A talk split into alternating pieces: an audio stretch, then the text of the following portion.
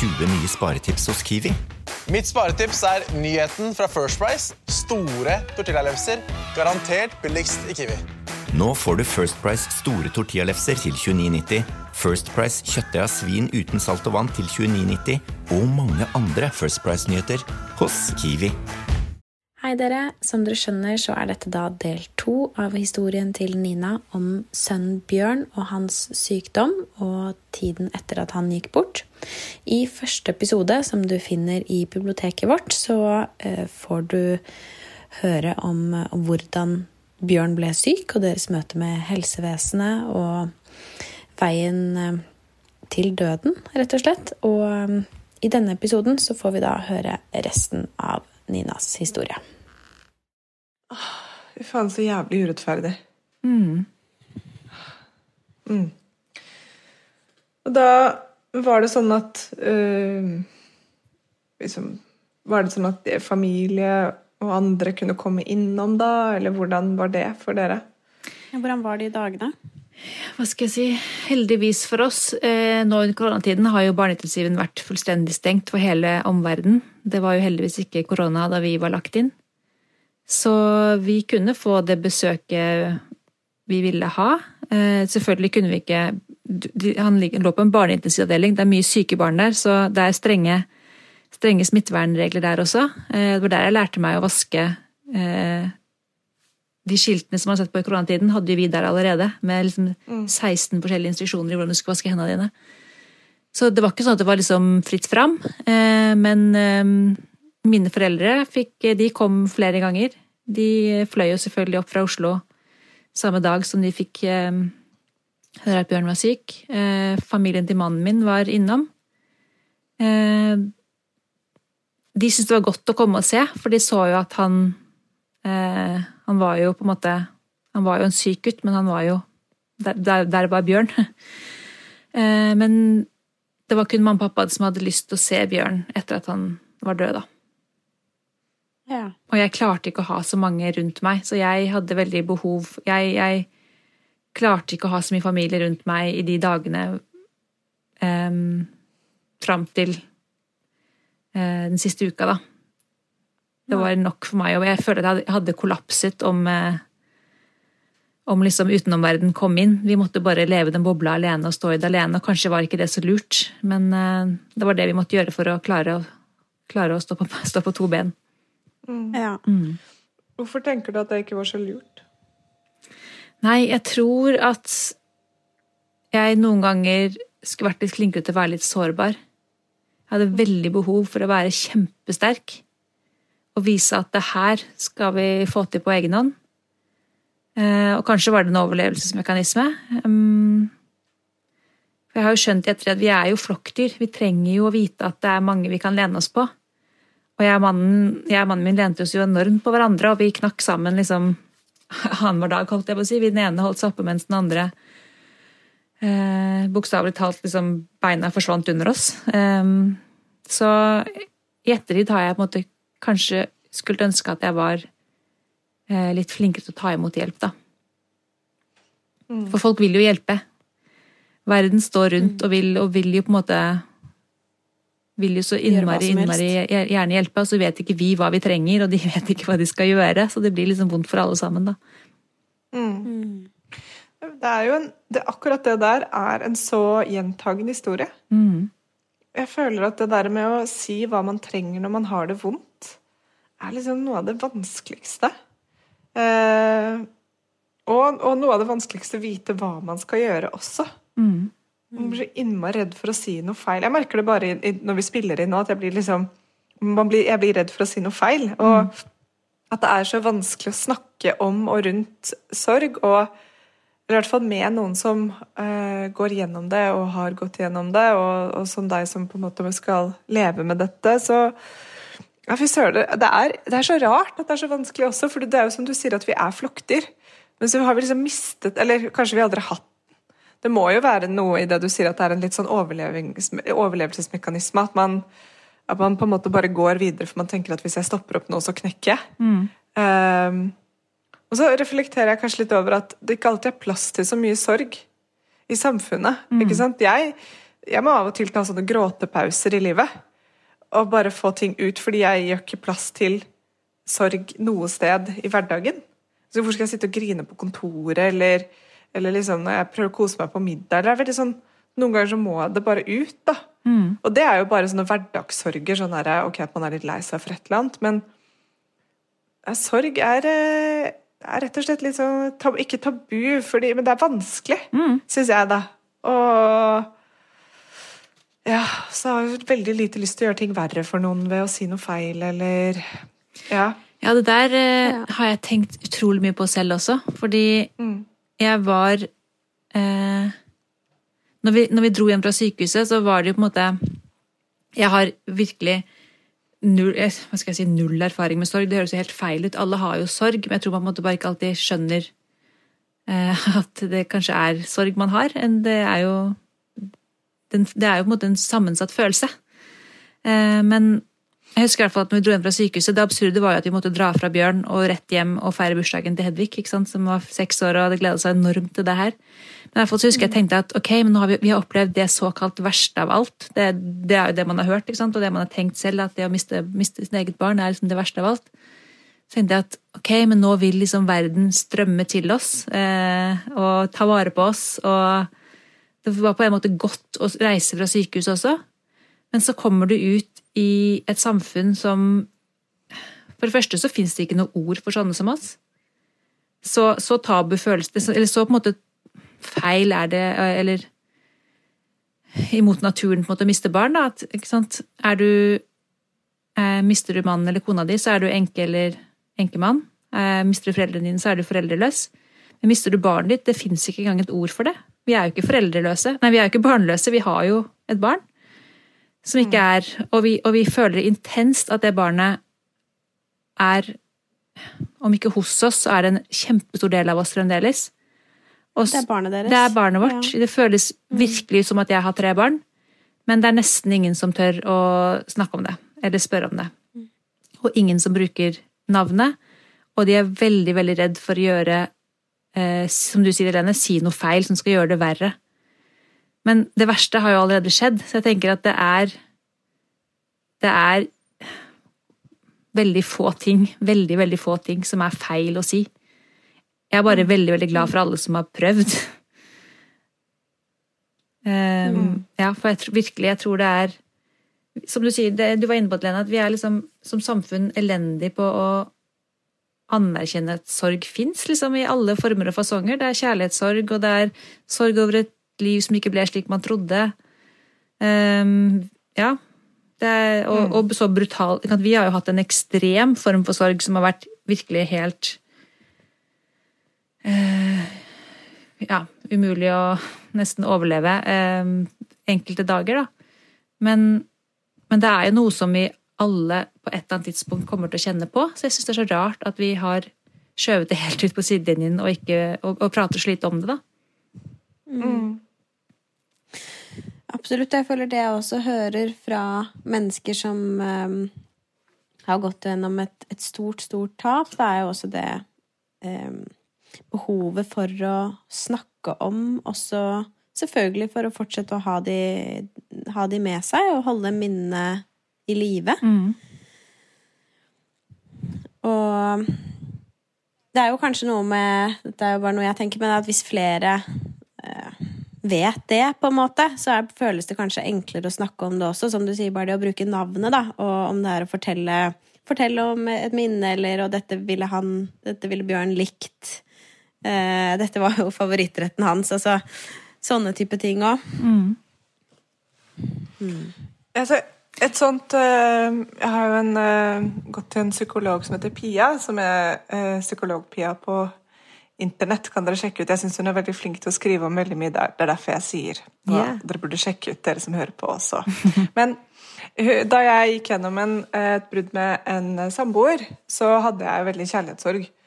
Og um, jeg sa at jeg følte det som at jeg ikke Jeg skjønte ikke helt hvorfor jeg skulle stå opp om morgenen og spise havregrøt. Var sånn jeg beskrev det. Jeg, liksom, jeg var ikke suicidal. Jeg bare hadde liksom ikke noe livsgnist. Jeg skjønte ikke helt liksom, konseptet med ting. Hvorfor liksom, Hva var poenget med å fortsette? For det var ikke noe gøy uansett. Og så forklarte hun meg at når du har noen veldig nære deg, og uansett hva slags relasjon det er, eller hvordan den går eller ikke, man, så er det jo uansett en, en, form for kjærlighet der, men du har noen nære deg, så, jobb, så lages det på en måte nervesbaner som går på ikke bare eh, den connection, men også på rutiner og på tanker og på, på, hva du er vant til å tenke og hva du er vant til å gjøre. Så når hun sa at når du da mister noen, om det, om det er fordi du gjør det slutt, eller noen dør, eller noen flytter eller noen dumper deg, eller hva det er, så kuttes de veldig sånn brutalt hardt i hjernen, og du vet ikke hvor du skal putte den energien mer, eller den nervebanen. Hvor skal de gå? De blir bare sånn kuttet av. Og, og, jeg kan jo tenke meg da, som vi snakket om litt innledningsvis, med hvordan hjernen utvikles når du går gravid og blir mamma. ikke sant? Og Hvis de har mistet barn, så er det jo som å kutte av seg halve hjernen. Og, og for meg det ga så innmari mening, for det var sånn jeg følte det med den kjærlighetssorgen at det var liksom kappet av et sted. Mm. Og så måtte jeg begynne å bygge nye rutiner og nye ting og finne nye gleder i ting. Jeg måtte lage liksom, Hjernen min måtte reprogrammeres igjen. da. Mm. Og til at ok, ja, men drit i havregrøten, da, stå opp og spis liksom, omelett, da. Eller gå ut og spise frokost. ikke sant? Altså Nye ting som skapte glede i hverdagen, som ikke omhandlet den personen mer. da. Og og det tenker jeg at det er, det er jo noe rent fysisk også mm. ved sorg. At det er, det er en ren sånn Det skjer faktisk noe i hodet og i kroppen. og man hører jo også om folk som dør av kjærlighetssorg eller dør av sorg, ikke sant, som broken heart syndrome, hvor rett og slett hjertet ikke tåler det. Så jeg tenker også det der å snakke om sorg på at det er en Ikke bare er det en ekte greie, som det selvfølgelig er, men det er en fysisk ting. Hva kan vi gjøre for å skape både for å ta vare på og liksom eh, mennesker i sorg, men for å skape glede, for å skape nye rutiner, for å skape trygghet og varme og omtanke i den situasjonen. Mm. Og det handler ikke om å tulle eller spøke bort eller ta lett på det, men det handler om kanskje å gi kjærlighet. da, ikke sant? Og sånn Vil du ha en kake? Vil du ha en klem? Skal vi se på en film? Vil du gå en tur? Altså Alle de tingene som kan hjelpe hjernen litt med å bare Eh, altså skape nye baner, da. Mm. Det er akkurat det som jeg som, er, som jeg synes Det er derfor så viktig å snakke mer om sorg. Og ufarliggjøre det, for det er akkurat det det er. Det, det, skjer så utrolig mye rare ting i kroppen som er felles for oss alle. da. Og som mm. og, og, ja, en, en, av de tingene som irriterer meg veldig uh, når det gjelder sorg, både når man, liksom, det første, ofte det man hører mest, og det første man leser, og som jeg husker jeg ble kjempefrustrert over, at det var det eneste som møtte oss når vi kom hjem eh, til det huset vårt, hvor eh, skoene sto framme, og det var eh, fingermerker på ruta etter bjørn, og det var sant, matrester og Du kommer hjem til et, til et, museum, men når du da liksom begynner etter hvert å finne ut at jeg trenger hjelp til det her, jeg, jeg vet ikke, noen må hjelpe meg, med, hjelpe meg med å takle den sorgen her. Så noe av det første du leser og møter, er liksom at ingen sørger likt. Eh, sorg er en individuell prosess. Og da føler du deg, og da tenker du ok, men da må jeg gjøre det her alene, da. Mm. Jeg synes, det, er, det, er, sant, det er noe på en måte alle, alle må gjennom det, men jeg tror at det gjør det vanskeligere enn det trenger å være. da. Det høres ut som at det er noe du må gjøre alene, du må bare være sterk, og du må stå i det. Eh, og, og, det tar ikke den det flokkperspektivet inn, da, og mm. forklare hvorfor vi nå trenger flokken vår. Eh, og flokken vet ikke helt hvordan de skal ta vare på den personen i dyp sorg som både kan, som kan ha masse kjempemotstridende følelser, som kan være kjempesint, men samtidig redd. ikke sant? Det er, det, det er noe med at relasjonen blir plutselig så annerledes, og man vet ikke helt hva gjør vi nå. Eh, hadde vi hatt noen, ritu, noen flere ritualer enn begravelse og bisettelse, så tror jeg hadde, vi hadde gjort det litt lettere for oss selv. da. Og hatt et språk for det, ikke minst. Helt enig, og akkurat det med ritualer er eh, Jeg har tenkt mye på før. Norge har jo blitt, for mange, eh, ikke et så religiøst samfunn lenger. Og på godt og vondt. Men det vi mangler, er jo kanskje den samlingen. Å be sammen. Eller gjøre noe sammen. Og jeg tenker jo sånn, og ikke for å dra liksom, det er for langt ut på den andre siden, men at det er derfor mange kanskje liksom fristes til å gjøre mer yoga, eller finne fram krystallene sine, tenner mm. telys, whatever man gjør. det? At, man, at vi er jo, jeg føler Som menneske så har vi alltid hatt noen form for ritualer som gjør at man, man lager seg et lite alter, eller hva vi gjør. Og så i, i, dette samfunnet tilbake til at det er ikke så mye plass til det. Um, og det er akkurat sorgritualer med, med venner, f.eks. det der å sette av tid til å sørge. Jeg gjorde det da jeg mistet en god venninne. Så, så hadde jeg spesielt med en venninne hvor jeg var sånn Nei, nå drar vi på graven og sørger. Og så gjorde vi det. Mm. Og så var det sånn, ok, nei, fader, jeg kan ikke du, nei, på torsdag kan jeg ikke, fordi mellom fem og syv skal jeg sørge på graven. skjønner du. Og det høres kanskje litt så rart ut, men det var veldig fint. og sånn, åh, nei, Nå skal vi ut der og grine og savne henne ordentlig og liksom snakke om henne og stå og prate til henne ved graven. og, og gjøre, altså set, Ta den tiden, eller sette av tiden til det å være sammen i det. Og, og, og jeg er helt enig i at sorg er ganske likt. Og jeg tror at man kan reagere forskjellig, og jeg tror man kan ut, altså, ha masse forskjellige væremåter og, og prosesser på det, men at følelsen, og kanskje noe av det man eh, At noe av det vi kan trenge sammen, er ganske likt, da. Og det er det, det, det er jo sammen som er stikkordet her, tenker jeg. For det, eh, jeg tror jo, eller jeg er veldig sikker på, at sorg setter seg i kroppen hvis man ikke får ventilert det på en eller annen måte. Jeg kjente jo veldig godt på det selv. En ting er at sant, eh, Det veldig mange av oss ikke vet, er jo at når man har opplevd noe sånt som vi har opplevd, som er dypt traumatisk, så går man i en sjokkfase. Eller man går rett inn i en sjokkfase. Det ble forklart på sykehuset, og den varer ofte i sånn fire til åtte uker.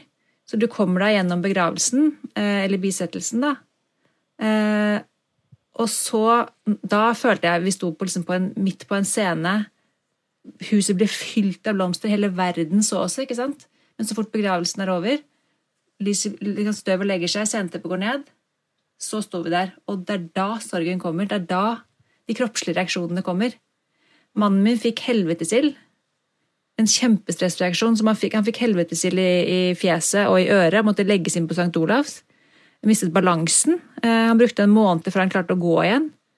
Eh, og jeg, for min egen del, jeg, da måtte jeg på en måte bare være sterk når han ble lagt inn. Eh, og det her var jo sorg, men ja.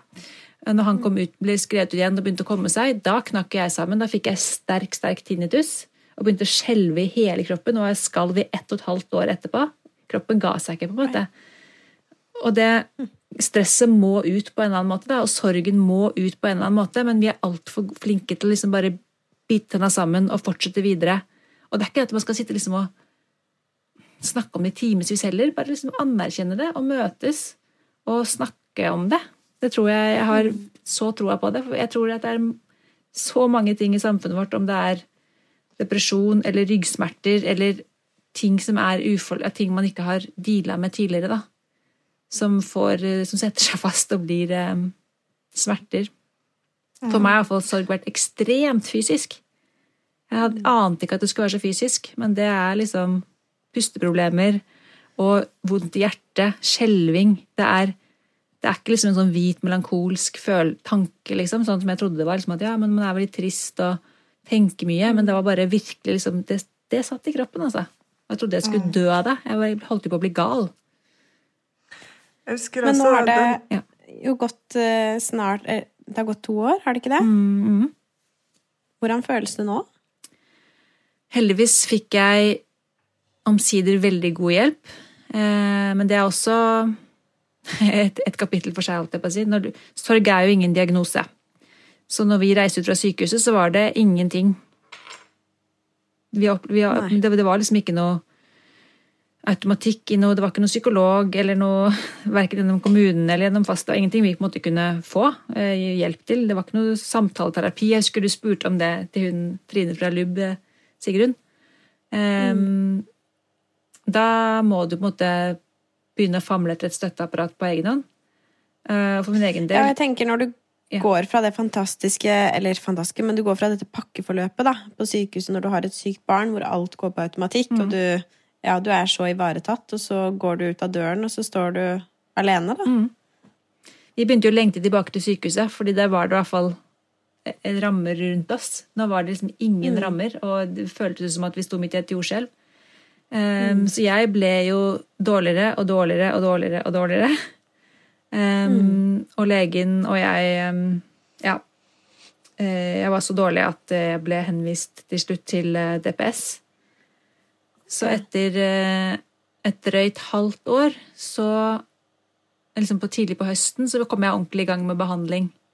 Og da, var, da hadde jeg jo eh, gått i så sterk sorg så lenge, og viste det seg kraftig PTSD. Jeg, hadde jo, jeg Ja. sov jo ikke, jeg hadde jo flashbacks fra sykehuset, og det, og det var på en måte Ja, det at ikke sorg er en diagnose, det er nå én ting, men at ikke noen skjønner at det kan komme tilleggsdiagnoser på en måte, når man har opplevd sånne ting som jeg har gjort.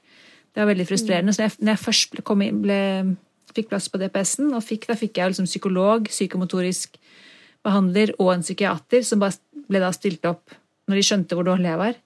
Fikk eh, mulighet for åpen innleggelse hvis jeg ville det. Eh, da først ble jeg ordentlig godt ivaretatt. Men det hadde jo på en måte gått i sju-åtte måneder da, uten å ha fått ordentlig hjelp. Og da sa jo de nå jeg var jo, jeg må, jeg, Man er jo stressa, ikke sant. Du har ett, års, ett år med sykemelding. Du føler liksom at tiden går. Du må jo liksom bli du, for, Folk tenker på en måte at tiden Om ikke tiden leger alle, så, så gjør jo tiden ting bedre, men jeg ble jo bare verre og verre. Eh, og det er så synd at man må bli så dårlig før man får hjelp, da, istedenfor å kunne sette inn litt hjelp litt tidligere. Så da brukte jeg et år på eh, massiv behandling, eh, traumebehandling. Eh, og så kunne vi da begynne å ta tak i sorgen, da, for vi måtte liksom få bukt med det først. Så en, det er først nå, idet koronaen eh, Ja.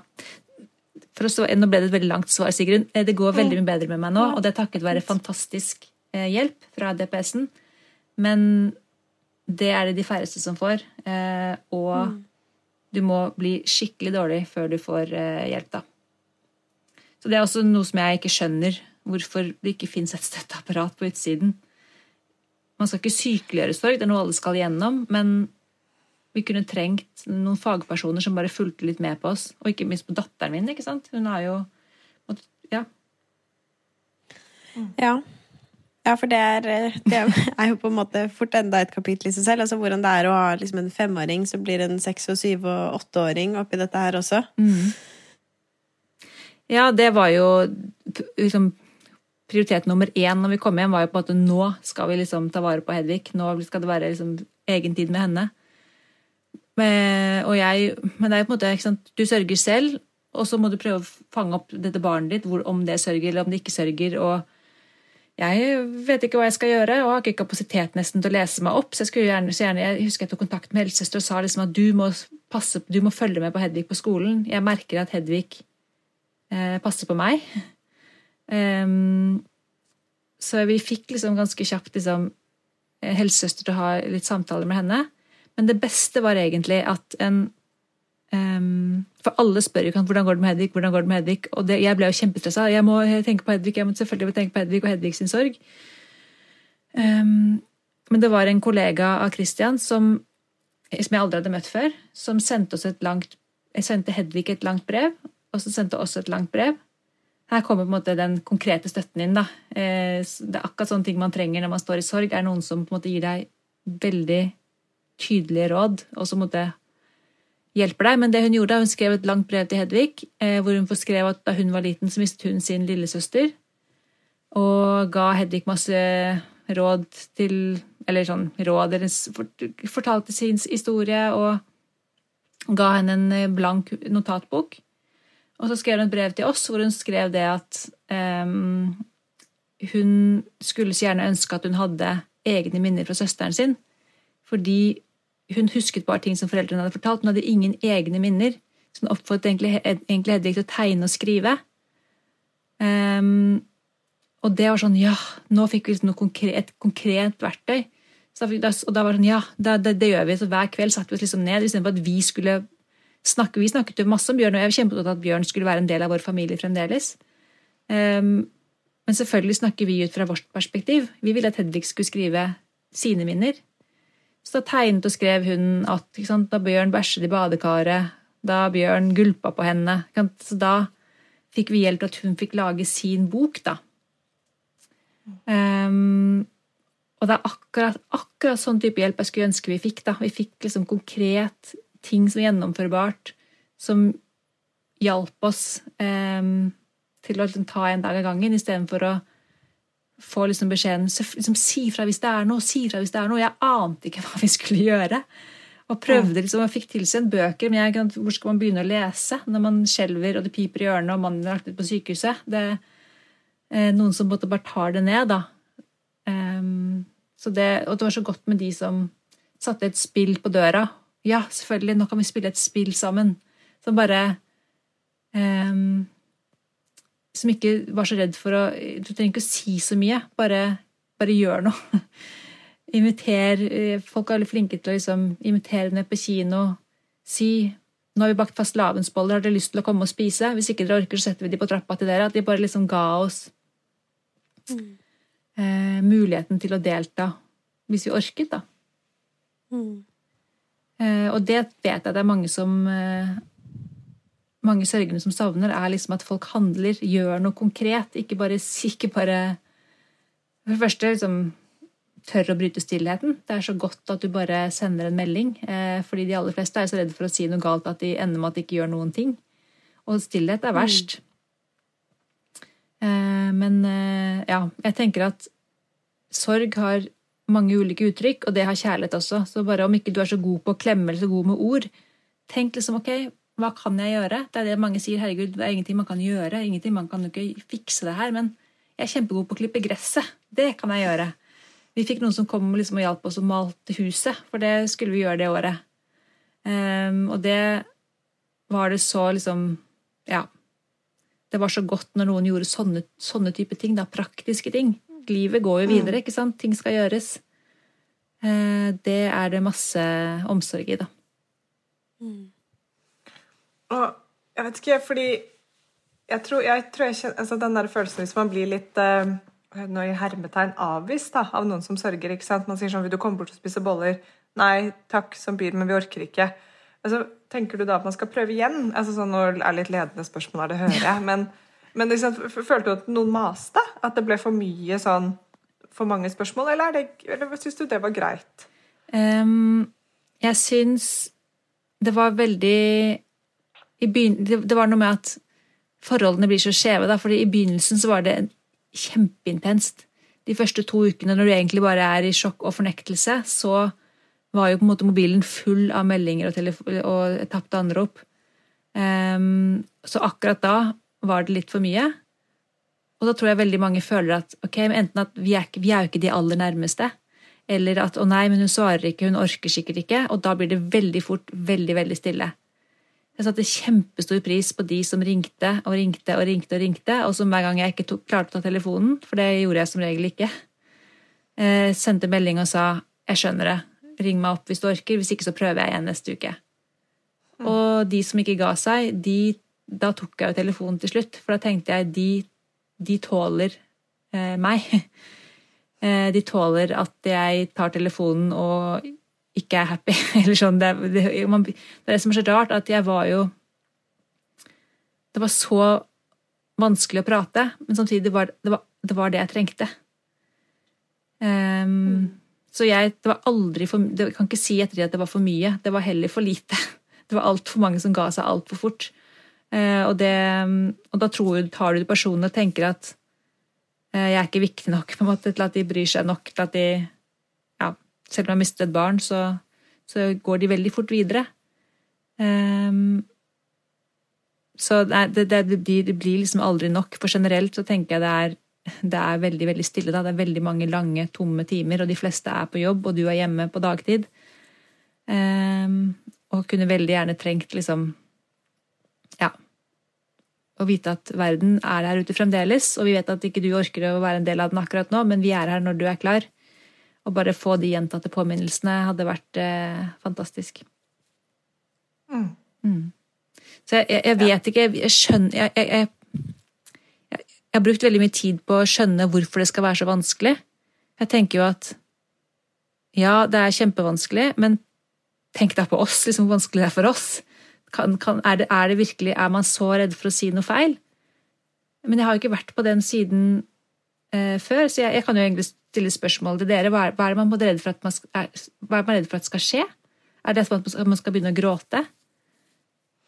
Eller er det Altså Ja, det er vel for min del i hvert fall redselen for å liksom skulle gjøre noe verre. Mm. Eh, eller at man minner på noe som man, eller et modus man kanskje ikke er i akkurat da. En, eh, en plutselig vill, veldig sånn fintfølenhet. Mm. Og en tomhet, da. En tomhet for ord. Mm. Det kan jeg veldig ofte kjenne på. Um, at jeg rett og slett ikke vet hva jeg skal si, og det er noe jeg har prøvd å øve meg på de siste årene også, det å si nettopp det. Mm. At um, vet du hva, jeg vet, jeg vet, ikke hva jeg skal si akkurat nå. Um, men, men jeg skjønner at du går gjennom noe, noe skikkelig, skikkelig tøft. Mm. Du vet at jeg er her, men ja.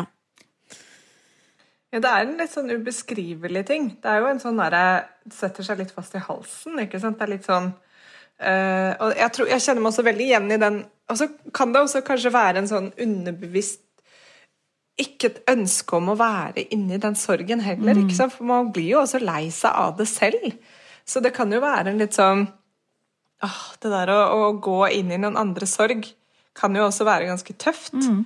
Så det er rent, rent sånn, men Ikke nødvendigvis at man sitter og tenker sånn det, det der orker jeg ikke å forholde meg til, men at det er det som kan være litt motoren i det også. At åh, fy fader, det dere går igjennom, det orker jeg ikke å Ja. Mm. Mm. Så det er nok liksom en kombinasjon av det Sigrun sier, og at man også liksom Det er jo ikke den, jo ikke den lykkeligste eh, følelsen å dyppe tåa inn i på en måte å, være med på. Um, men eh, men det er veldig interessant det du sier, og jeg tenker at det er det, det Jeg har blitt minnet på det mange ganger før. ikke sant? Mm. Det der jeg vet, og, og, også når det kommer til meg selv, at det blir aldri for mye. og at man også må stole på at de som er i sorgen, setter de grensene de har behov for selv. Mm. Altså, det er nettopp sånn Man tar ikke telefonen hvis man ikke orker, man svarer ikke på melding hvis man ikke orker, man blir ikke med på boller hvis man ikke har lyst til å komme og møte masse mennesker, men at man åpner opp for det som er, som er behov, da. Mm. Hvis man får tilbudet, i hvert fall. Mm. Ja, jeg, jeg syns det er veldig fint at dere sier det dere sier, og det, det er det eh, som er responsen fra andre også. Um, og det er altså, min erfaring er jo at For jeg var så innmari redd for det du sier, Lena. Jeg vil ikke at folk skal Jeg vil jo ikke dra folk ned, på en mm. måte. Um, så jeg brukte jo masse energi på en måte prøve å balansere balansere det der Jeg ble jo helt sprø av det også. Liksom behovet for å ville eh, snakke litt om Bjørn. I hvert fall bare Det er den derre enorme elefanten i rommet, ikke sant? Um, og vise at det er trygt. Liksom. Det er ikke Jeg tåler Jeg kommer ikke til å kollapse. Bare liksom Man vil så veldig, veldig gjerne Det er akkurat som at sønnen din står ved siden av deg, ikke sant? og så bare overser alle han. Ikke sant? Så jeg ville mm. bare at man skulle si Å, jeg ser at dere har hengt opp noen bilder av han. Mm. Det trengte ikke å være mer enn det. Det, trenger, det poenget er at det trenger ikke å være så mye. Det er liksom bare å anerkjenne Jeg vet hva du står i, liksom. Og være ærlig. For det er akkurat det som er det beste når folk sier jeg vet virkelig ikke hva jeg skal si. Og det her skjønner jeg at, jeg, at det ikke finnes ord for. Men, men, men, men, jeg vil så gjerne gjøre noe hvis det er noe jeg kan gjøre. Fordi mm. det som jeg ofte opplevde, var at Istedenfor å bare senke skuldrene og tenke liksom, ok, herregud, Nina er Nina. Liksom, jeg må jo bare kunne prate med henne. Liksom, bare høre.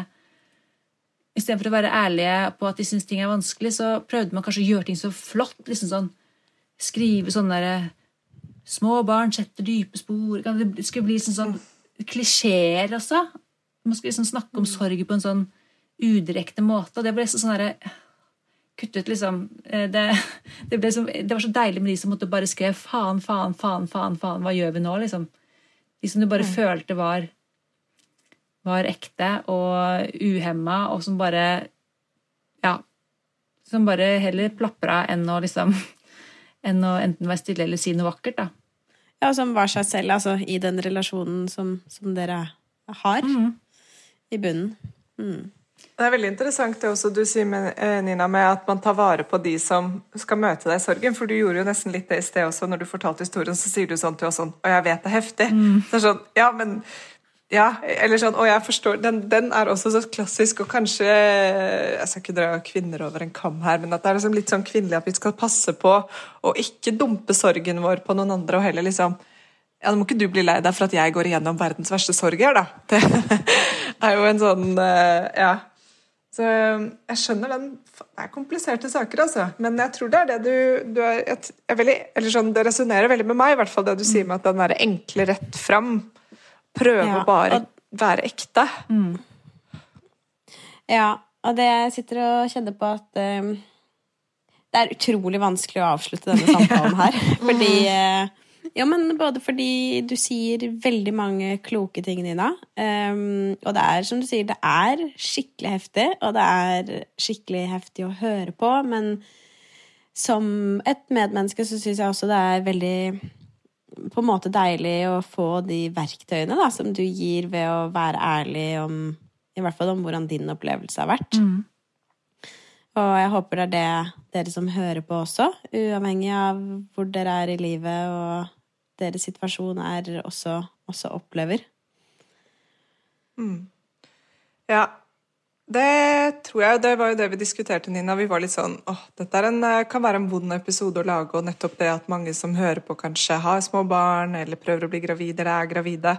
Så er det fader meg Sorg er universelt, da. Og du har opplevd eh, å havne i verdens verste klubb, som du sier, og nettopp liksom opplevd det, noe av det verste man kan oppleve, å miste sitt eget barn. Og da tenker jeg at vi må tørre å snakke om det også. For det fins, det skjer. For noen. Og så har jo vi mennesker den forsvarsmekanismen som er å kjenne på at det skjer alle andre. Det skjer ikke meg. Som er helt absurd. um, men som man kanskje også skal være glad for. Veldig glad for, tenker jeg. Det, det, det Ja. tenkte jeg. jeg. Så mange ganger tenkt på liksom, Jeg lurer på hvem den første gjengen på en måte er som opplever et eller annet skikkelig kjipt. Om det. Ja. man, man tenker jo alltid at det ikke skal skje seg selv. Eh, Og så skulle jeg så inderlig gjerne Det er ikke det man skal sitte og lese om sorg, men eh, jeg har lært så enormt mye de siste to årene og føler liksom at jeg ser ser sorg overalt i, i samfunnet, og at det er noe um, som ikke burde vært så vanskelig. Vi må bare liksom starte samtalen. Eh, og det fins eh, så mye eh, morsomt og med skrå det, det, Sorg trenger ikke å være mørkt og tungt og vondt heller, um, tenker jeg. Man må bare Mm. uh, avmystifisere det litt. Og selvfølgelig, jeg, jeg vet Tørre at det å snakke om det. Mm, jeg tør å snakke om det, ikke minst. Ja. Nei, skikkelig, skikkelig fint. Tusen takk, Nina, for at du har, eh, ja, hadde lyst til å dele historien din med oss. Um, og sier alle de fine tingene du sier. Um, Ja. Takk. Setter i hvert fall jeg veldig stor pris på. Takk i like måte for at dere Ja. snakker om det. Det er uh, altfor få som tør å ta opp den ballen. Mm. Ja, tusen takk, og eh, jeg håper eh, Nå nærmer vi oss en sånn Jeg kan tenke meg, nå er vi jo i midten av oktober når vi spiller denne episoden. Så jeg skal ha deg godt i hjertet mitt de neste ukene. men Jeg kan tenke meg at det er en litt sånn eh, tøff tid, samtidig som det også er bursdagen til Hedvig. Så det er jo både da Bjørn døde, men også bursdagen til Hedvig. Så du skal i hvert fall vite at jeg skal tenke masse på deg fremover. Åh, takk for det, Lene. Mm. Så kan jeg også bare si det at jeg husker jeg møtte en dame eh, noen få uker etter at Bjørn døde, som sa det at etter tre år, da blir det bedre. Eh, og det kan jeg si, nå blir det jo tre år i, nå i november, eh, og livet er veldig mye bedre. Eh, det blir aldri det samme igjen. Det er et tydelig før og et tydelig etter, men eh, jeg har eh, et godt liv i dag, altså. Ja, det er godt å høre. Ja, det er skikkelig fint. Og så bare en oppfordring. Nå vet jeg, Denne episoden her kommer sikkert til å komme ut etter eh, 15. oktober. Men det er stadig vekk minnes, ting som skjer. Organisasjoner som arrangerer forskjellige Har ritualer, da. Sånn som hver 15. oktober så er det jo Wave of Light, hvor man tenner et lys for alle barn som har gått bort. Eh, og det er sånn som man kan oppfordre til at man kan dra på sammen, eksempel. For clouet her er å gjøre ting sammen, og ikke bare liksom ja, en melding er topp, en, eh, eh, en handling er enda bedre, og å gjøre noe sammen er liksom det beste. Da kjenner man på at man er flokkdyr. Ja. Mm. Så fint. Helt sant. Det er en god oppfordring. Vi skal i hvert fall dele det, fordi det er nå allerede på fredag. Så Ja. vi skal i hvert fall dele det på Instagrammen vår og oppfordre der. Så får vi Ja, det var lurt. for det er fint. Mm. Ok, Nina.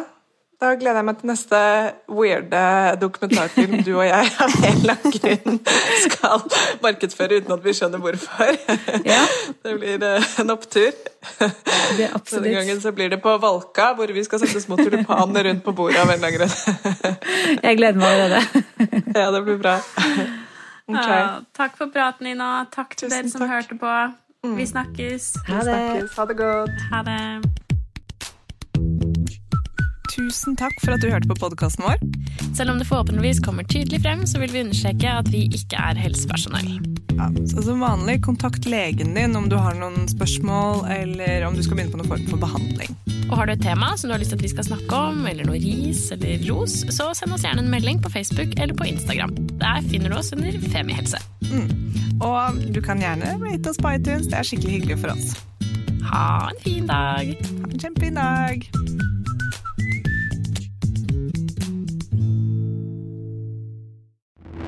Nye sparetips hos Kiwi. Mitt sparetips er nyheten fra First Price kylling lårfilet. Garantert billigst i Kiwi. Nå får du 900 gram First Price kylling lårfilet til 118,70. First Price ferske fiskepinner til 42,90. Og mange andre First Price-nyheter hos Kiwi.